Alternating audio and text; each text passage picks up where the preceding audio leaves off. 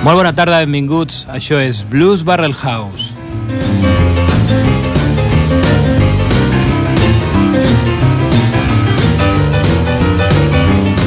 Transmitint en directe des de Ripollet Ràdio al 91.3 a la freqüència modulada.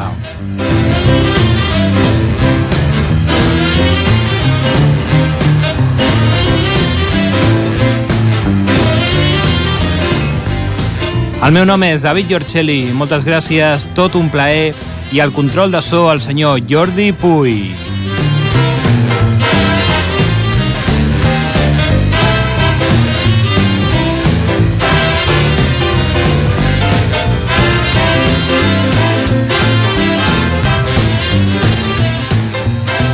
Bé, com a cada dilluns dins d'aquest espai, farem una travessia on el principal protagonista serà el blues, amb tota la seva diversitat. Gènere musical d'origen afroamericà, música d'arrel, música amb molta ànima.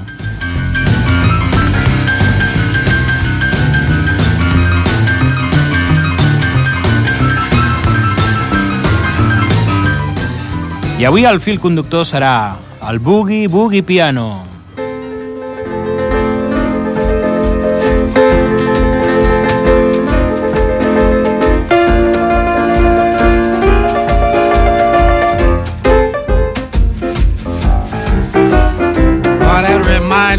Over the house. I was over the Yass's one Sunday morning, boy. And old, old Papa Almond was over there, Albert, before he passed. Boy, you talking about some fun we had it. He and Papa Yass, they double-headed the piano, boy. And we danced there that morning till 9, 10 o'clock.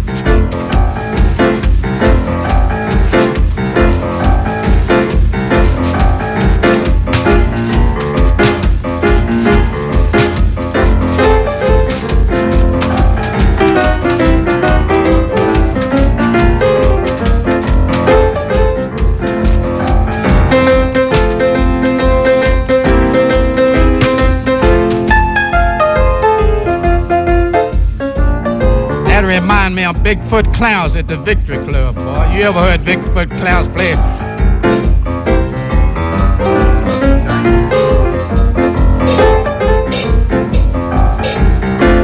He Sweet Frank Williams.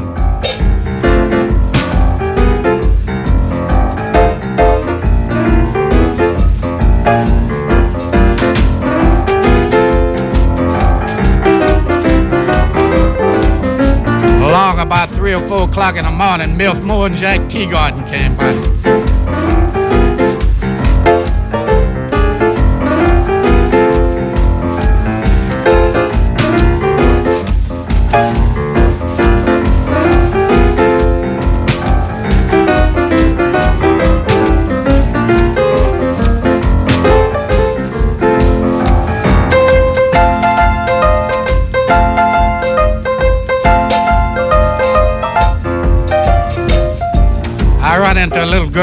Green dress on and some red stockings on.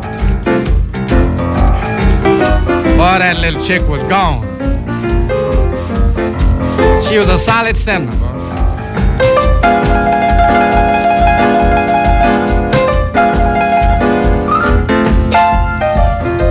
Boy, she really could boogie.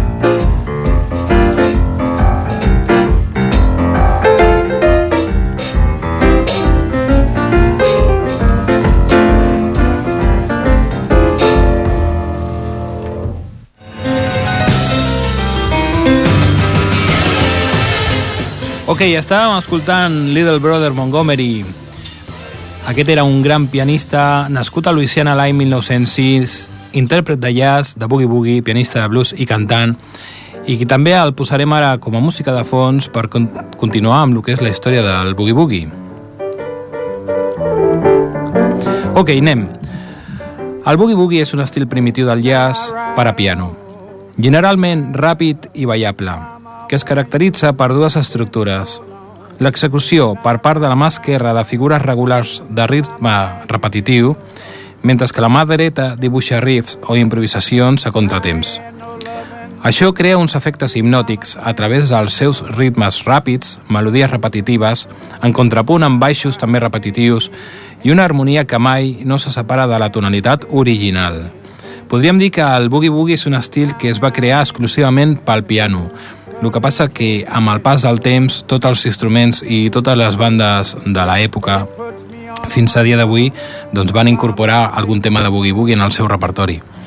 El que no podem oblidar és que el boogie-woogie és una evolució d'un altre estil que es diu ragtime. I anirem a escoltar un tema de ragtime precisament d'un gran pianista de l'època que es deia Eubie Blake i el tema es diu Stars and Stripes Forever. Thank you.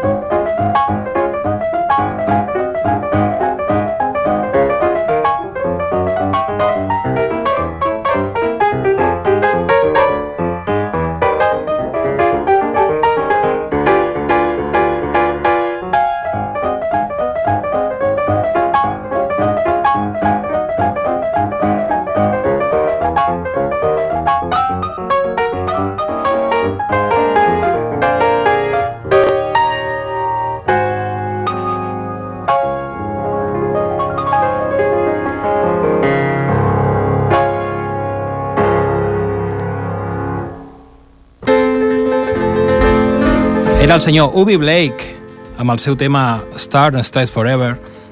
Me'n recordo en un documental del Boogie Boogie, de la història del Boogie Boogie, que mencionaven aquest senyor que durant aquella època, finals del segle XIX, perquè és un senyor que tenia més de 100 anys, eh, va entrar en un barrel house on estaven tocant aquest estil que s'anomena Boogie Boogie i la veritat que li va sobtar molt perquè no estava acostumat i deia que tot li sonava bé però que tocaven tot i que no sabia com ho feien podíem estar parlant dels inicis del Boogie Boogie. I a diferència del ragtime, el Boogie Boogie no va patir mai la influència del repertori pianístic europeu. Els músics que van començar a forjar-lo al sud dels Estats Units, cap a finals del segle XIX i començaments del XX, probablement mai no havien escoltat un pianista de formació clàssica. No es coneix amb precisió el seu origen, però es suposa que aquest va tenir lloc a la zona del delta del Mississippi o a Texas, als bars, conegut com Barrel House, denominació que també es va conèixer al nou estil, on els pianistes que, en general, es limitaven a acompanyar els cantants van desenvolupar una manera ràpida i purament instrumental del blues amb l'objectiu de fer-ho ballable. Anem a escoltar un tema d'un dels que va ser els grans cantants, els grans shooters de l'època, el senyor Big Joe Turner, amb el tema Paine Brown Blues.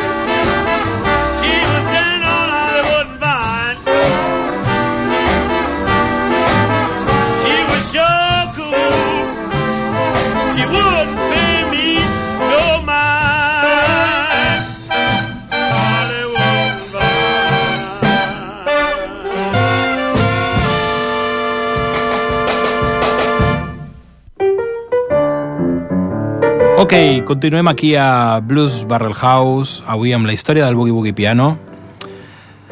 Entre els primers que van testimoniar el seu naixement es troben Walter Christopher Handy, també Jelly Roll Morton i Clarence Williams, que ja havien escoltat l'execució al piano d'aquest estil en els anys 10 del segle XX, o fins i tot abans.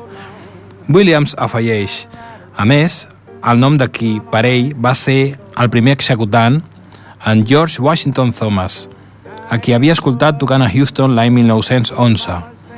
De fet, les composicions de Thomas contenen ja elements propis del boogie-boogie. New Orleans Hop Scott Blues, composada i publicada l'any 1916, The Fives, gravada l'any 1923 per la Tampa Blues Blue Jazz Band, i The Rocks, gravada pel mateix autor que contenen les famoses vuitenes galopants. En referència a aquests primers testimonis de l'estil, anem a escoltar el senyor Jelly Roll Morton amb el tema Buddy Bolden's Blues.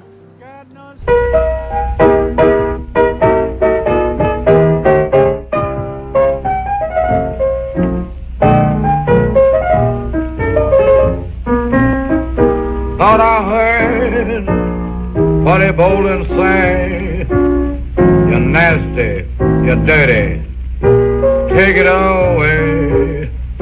Terrible, you're awful. Take it away. I thought I heard him say. I thought I heard Buddy Bolden shout. Open up that window and let that bad air out. Open up that window and let the foul air out. I thought I heard Buddy Bolden sing. Thought I heard Judge Fogarty say, 30 days in the market. Take him away. Get him a good broom to sweep with. Take him away. I thought I heard him say. Thought I Frankie Dewson shout. Gal, give me that money. I'm gonna beat it out. I mean, give me that money like I explained you. I'm gonna beat it out, cause I thought I heard Frankie Dewson say.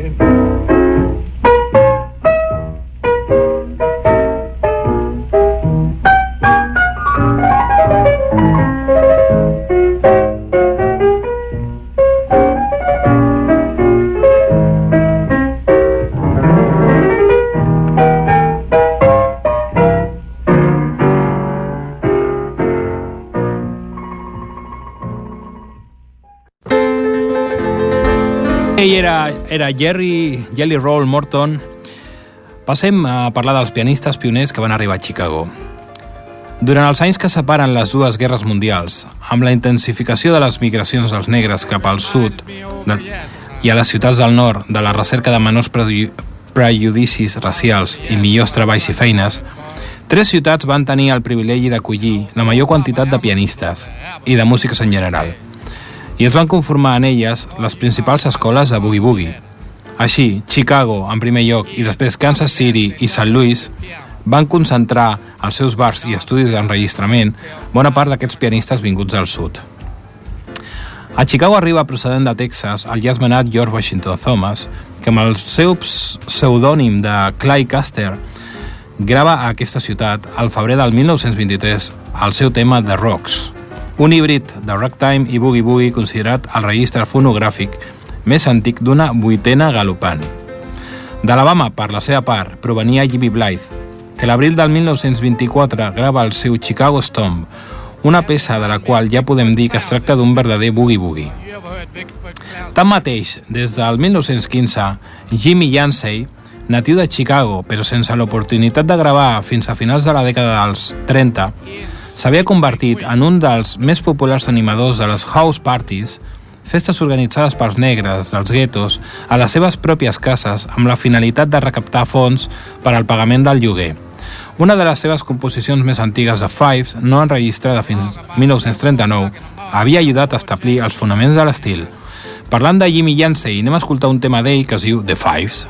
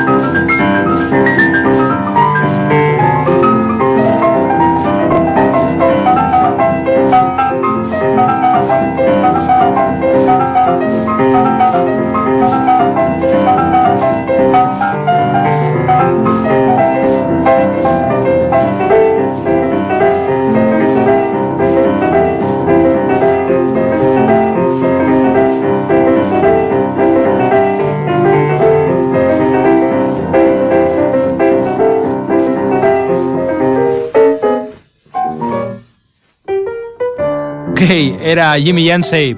La veritat que aquestes gravacions tan antigues és una mica imprevisible el que pots trobar, però bueno, era ell. Hem escoltat una mica de Jimmy Yancey. Continuem. Per la seva part, Kou Kou Davenport, natural d'Alabama, i que es donava a conèixer com l'home que va introduir a Amèrica al Boogie Boogie, segons constava les seves targetes de presentació, grava el 16 de juliol de 1928 a Chicago el seu Kou Kou Blues, un dels clàssics de l'estil que imita musicalment el rodar dels ferrocarrils, temàtica que ja des de llavors es prefigurava entre les preferides dels intèrprets de Boogie Boogie, amb el temps es dirà que el so dels trens en els quals viatjaven els músics ambulants o migratoris va ser l'inspirador del ritme del Boogie Boogie. Anem a escoltar el clàssic Coco Davenport i el seu tema Coco Blues.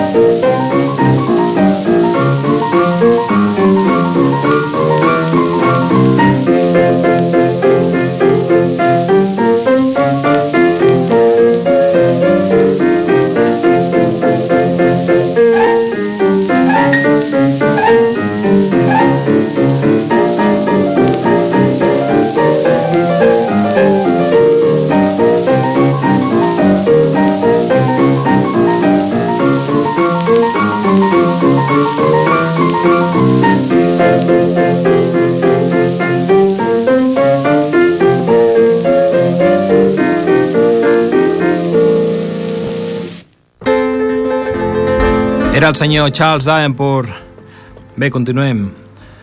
De tota la primera generació de pianistes que van treballar a Chicago, el més reconegut és, sense cap dubte, el senyor Pinetop Smith, deixeble de Yancey, que havia vingut a la ciutat, igual com Davenport, procedent d'Alabama.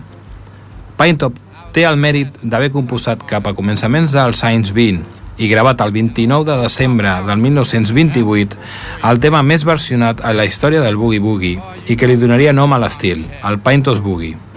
Pintos Boogie Boogie. Sobre la combinació de les paraules boogie boogie, Smith diria que no significava res. Senzillament, les havia escoltat juntes alguna vegada durant alguna festa. A l'enregistrament, mentre toca el piano, Smith dicta les instruccions per ballar aquest tipus de música. When I say stop, don't move. And when I say get it, everybody mess around. I empra el terme to boogie boogie sense distinció entre altres tradicionalment associats al ball popular, com to mess around, to shake... Aquestes frases pronunciades sobre la música es van convertir entre els pianistes de boogie boogie en una tradició àmpliament seguida. Anem a escoltar-lo. Clarence Pinetop Smith, Pintos Boogie. Now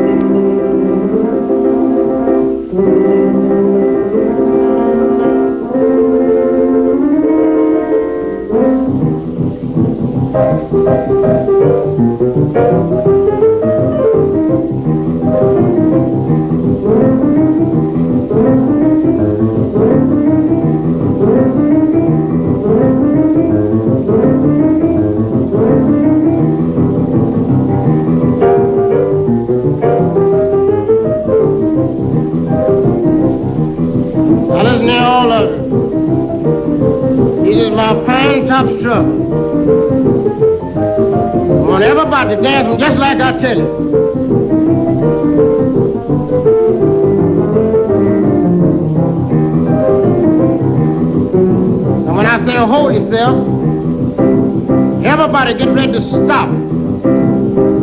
When I say stop, don't move a peg. And when I say get it, everybody do a boogie woogie. Hold yourself now. Boogie woogie. Now that's what I'm talking about.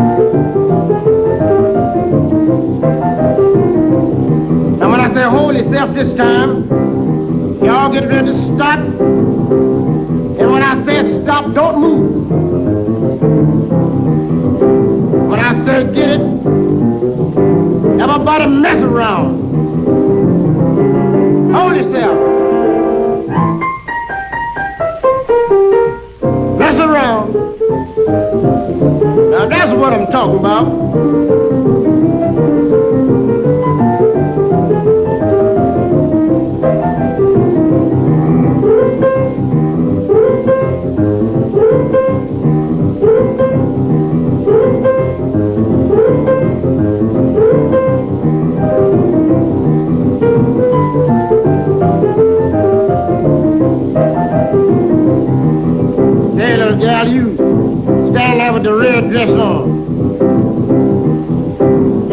Here where Mr. Pine Top is. Now face the audience.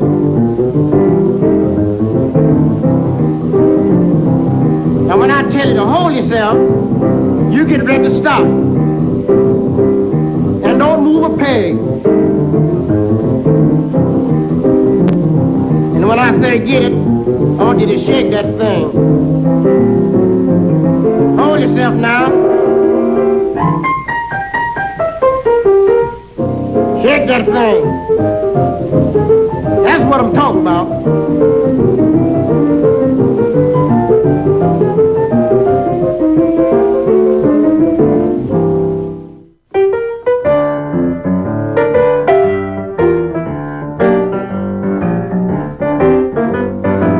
Bé, estàvem escoltant el senyor Pinetop Smith. Aquest va representar Chicago, l'enllaç entre la seva generació i la següent. En aquesta ciutat, on va arribar el 1928, es va instal·lar al costat dels joves pianistes locals Millox Lewis i Albert Ammons, a l'apartament que aquest últim tenia al Southside. Ammons era l'únic que tenia un piano propi i els tres pianistes es reunien per tocar a la seva habitació. Van ser uns mesos de fructífer intercanvi que van quedar interromputs quan, al març del 1929, Pinetop Smith moria a causa d'una bala perduda en un saló de festa de la ciutat. L'esdeveniment va assenyalar el final d'una etapa a la història del Boogie Boogie i encara hauria de transcórrer mitja dècada abans que aquest aconseguís obrir-se novament pas a l'escena musical. Afortunadament, poc abans de morir, Smith havia ensenyat a Mons a tocar el seu Pintos Boogie Boogie. A la fi, els dos joves deixebles de Smith es convertirien en els més grans intèrprets de l'escola de Chicago, així com en capdavanters del renaixement que va experimentar l'estil a la segona meitat dels anys 30 del segle XX. Anem a escoltar un tema del seu deixeble, el senyor Albert Ammons, Boogie Boogie Stomp. Oh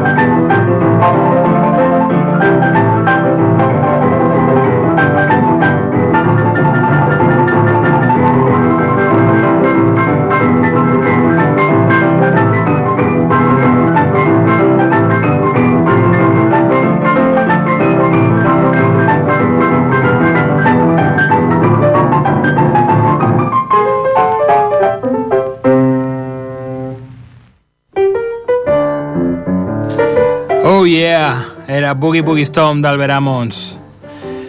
Bé, continuem amb Midlux Lewis. En realitat, havia començat les seves aventures una mica abans, ja que la mala fortuna marcava i continuaria fent-ho durant un temps més la seva carrera. El 1927 havia gravat el seu futur clàssic Honky Tonk Train Blues, però el disc no va poder ser editat fins 18 mesos més tard, el 1929, sense cap repercussió comercial, el tancament de Paramount Records, poc després, va acabar de deixar l'enregistrament fora de mercat. Corrien els temps a la Gran Depressió, que molts poc, pocs pianistes de la primera generació van aconseguir superar. I fins i tot els més joves, com Louis i el seu company Albert Ammons, van haver de dedicar-se a altres activitats llunyanes a la música. No obstant això, la situació no va aconseguir soterrar les naturals inclinacions dels dos. S'explica que, durant el temps que van compartir treballant en una companyia de taxis, solien abandonar la seu de l'empresa per anar-se'n a tocar el piano. Quan l'amo de la companyia va descobrir el motiu de les seves absències, va adquirir un piano i el va col·locar a l'oficina per tenir els taxistes disponibles cada vegada que necessités els seus vehicles. Perquè la sort comencés a afavorir-lo, Milux Lewis va haver d'esperar fins i tot que John Hammond, visionari, productor i promotor de jazz, de blues i el folk, descobrís l'enregistrament de Honky Tonk Train Blues i iniciés una recerca del seu intèrpret que tardaria diversos anys i durant la qual també es toparia amb Albert, Al, Albert Ammons. Així va narrar Hammond el rastreig del pianista. Quan vaig escoltar l'enregistrament de Honky Tonk Train Blues l'any 1931, vaig saber que Emilius Lewis havia trobat l'executant definitiu de Boogie Boogie, però sense importar on busqués o a qui preguntés, no vaig poder trobar-lo. Anys després, a Chicago, vaig preguntar una altra vegada per ell mentre menjava amb l'Albert Ammons. Mil lux? va dir Albert. És clar que sí, està rentant cotxes allà a la cantonada. I efectivament hi era. Això ocorria el novembre de 1935. I abans de finalitzar l'any, en Lewis havia reiniciat la seva carrera discogràfica amb l'enregistrament d'una versió madurada de Honky Tonk Train Blues, la peça, l'exemple més famós de la temàtica ferroviària i de la varietat de baixos denominada rocks en tot el repertori del Boogie Boogie, estava inspirada en un tren que passava molt a prop d'una de les cases on Louis havia viscut, al carrer South La Side de Chicago, i que la feia, la feia estrimir-se diverses vegades al dia. El seu títol va ser ideal idea d'un convidat de tantes house parties que el pianista el va animar. Anem a escoltar el Honky Tonk Train Blues del senyor Mid Lux Lewis.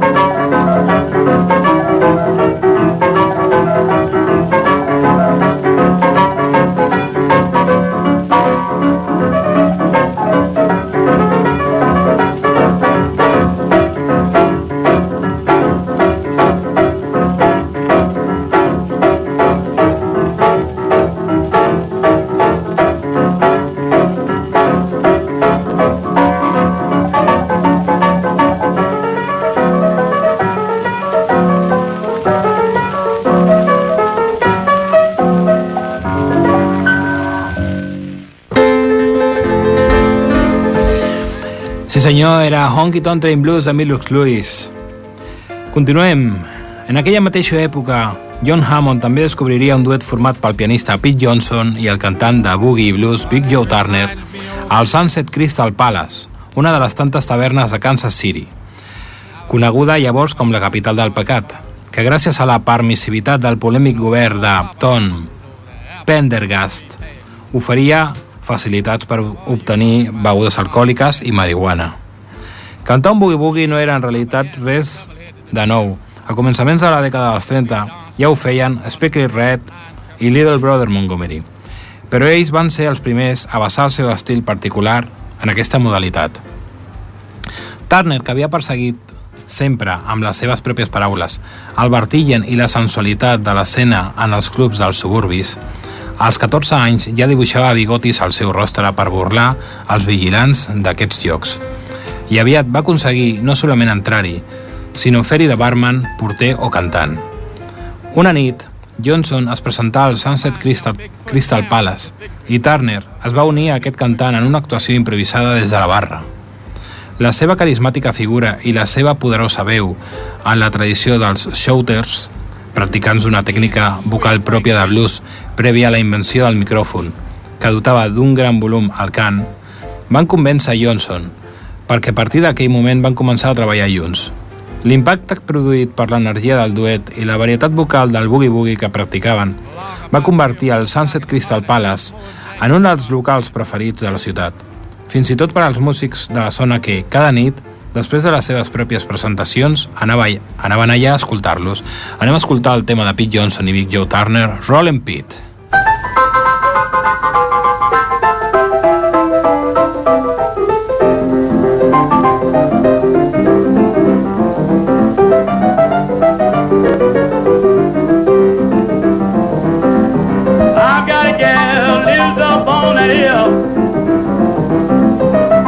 I've got gal lives up on that hill. They try to quit me, Lord, but I love her still. She got eyes like diamond teeth, shine like gold. Got eyes like diamond teeth, shine like gold. Every time she loves me, she sends my mellow soul. Beautiful, but you got died someday. Well, you're so beautiful, but you got died someday. All I want is loving, baby, just before you pass away. Roll it, boy, let 'em jump for joy. Yeah, man, happy as a baby boy. Well, now another brand new choo-choo toy. Yeah.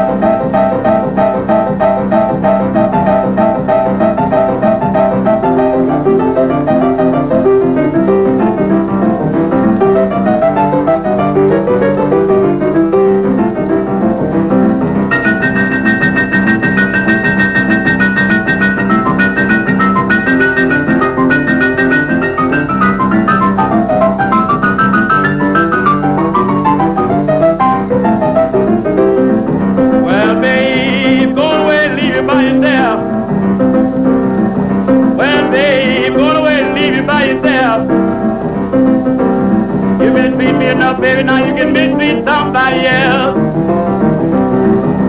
Yes, yes. Yes, yes. Yes, yes. Yes, yes. Yes, yes. Yes, I know. Well, all right then. Well, all right then. Well, all right then. Well, all right then. Bye.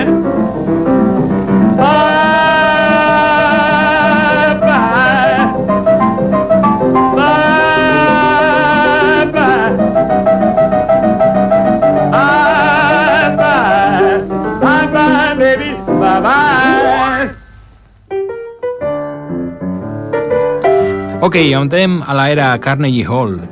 Al Nadal de 1938, l'incansable John Hammond va organitzar un gran concert al Carnegie Hall de Nova York, amb el qual volia donar al públic blanc una mostra de l'evolució de la música negra americana, les seves principals tendències i la seva relació amb la música africana. Un projecte de tanta envergadura i que alhora implicava tant risc comercial no va trobar més patrocini que el del setmanari New Macy's, òrgan de difusió cultural del Partit Comunista per al qual Hammond solia escriure. L'èxit de l'esdeveniment representaria un gran pas endavant en la batalla per la integració racial i Hammond demostraria amb això la seva creença que la música negra era la forma de protesta social més efectiva i constructiva. Gràcies a aquests concerts, tant Louis Ammons com Johnson i Turner van tenir l'oportunitat de mostrar el seu art davant la multitud que va omplir el teatre més important de Nova York i de compartir el cartell amb figures de la talla de Count Basie, Sidney Beckett, James Pitt Johnson i Big Bill Bronzy, entre d'altres. Els temes que els quatre músics van interpretar, especialment el del trio de pianos de Louis, Ammons i Johnson, que es va donar a conèixer com Boogie Boogie Trio, així com els del duet d'aquest últim i Turner, van produir els aplaudiments més nombrosos de la nit i van estendre la moda del boogie-boogie a tot el país. L'estil deixava de ser, com havia dit William Russell, la música més anticomercial del món en el millor i el pitjor dels sentits i superava amb escreix els seus dies més brillants abans de la Gran Depressió. Anem a escoltar Boogie Boogie Dream, Pete Johnson i Albert Ammons. Ladies and gentlemen, Albert Ammons and Pete Johnson, those two terrific pianists, are going to play their original composition called Boogie Woogie Dream. It has always been their greatest desire to play their music to a select society in a cafe like this.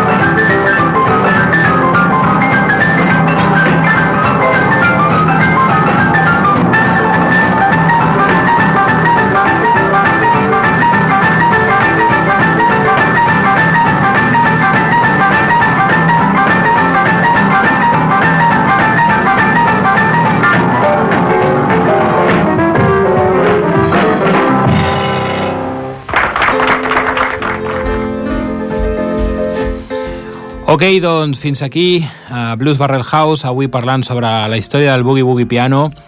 Bé, la veritat que necessitaria un programa més o un parell de programes més perquè em deixo moltes dades al tinter i el Boogie Boogie eh, també podríem dir que és un estil que està fortament implantant, implantat a Europa en l'actualitat.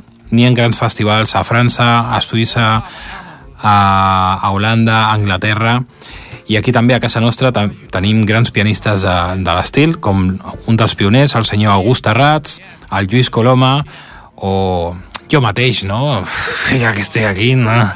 Eh, bé, també m'agradaria mencionar una miqueta el que és la cultura de Ripollet aquest cap de setmana, Recordar que tots els caps de setmana al Xiringuito Sant Viu, al Parc del riu Ripoll, concerts vermut, dissabte i diumenge al migdia, i en particular aquest dissabte al Cafè Chiloé, al migdia, la gran actuació de Wax and Boogie, Cafè Chiloé, ubicat al carrer dels Afores 36. No us ho perdeu. Bé, moltes gràcies a tothom, gràcies al Jordi Puy, al Toni Miralles, a l'altre Jordi que està aquí darrere mirant. Eh, ens veiem o ens escoltem la setmana que ve. Bye, bye.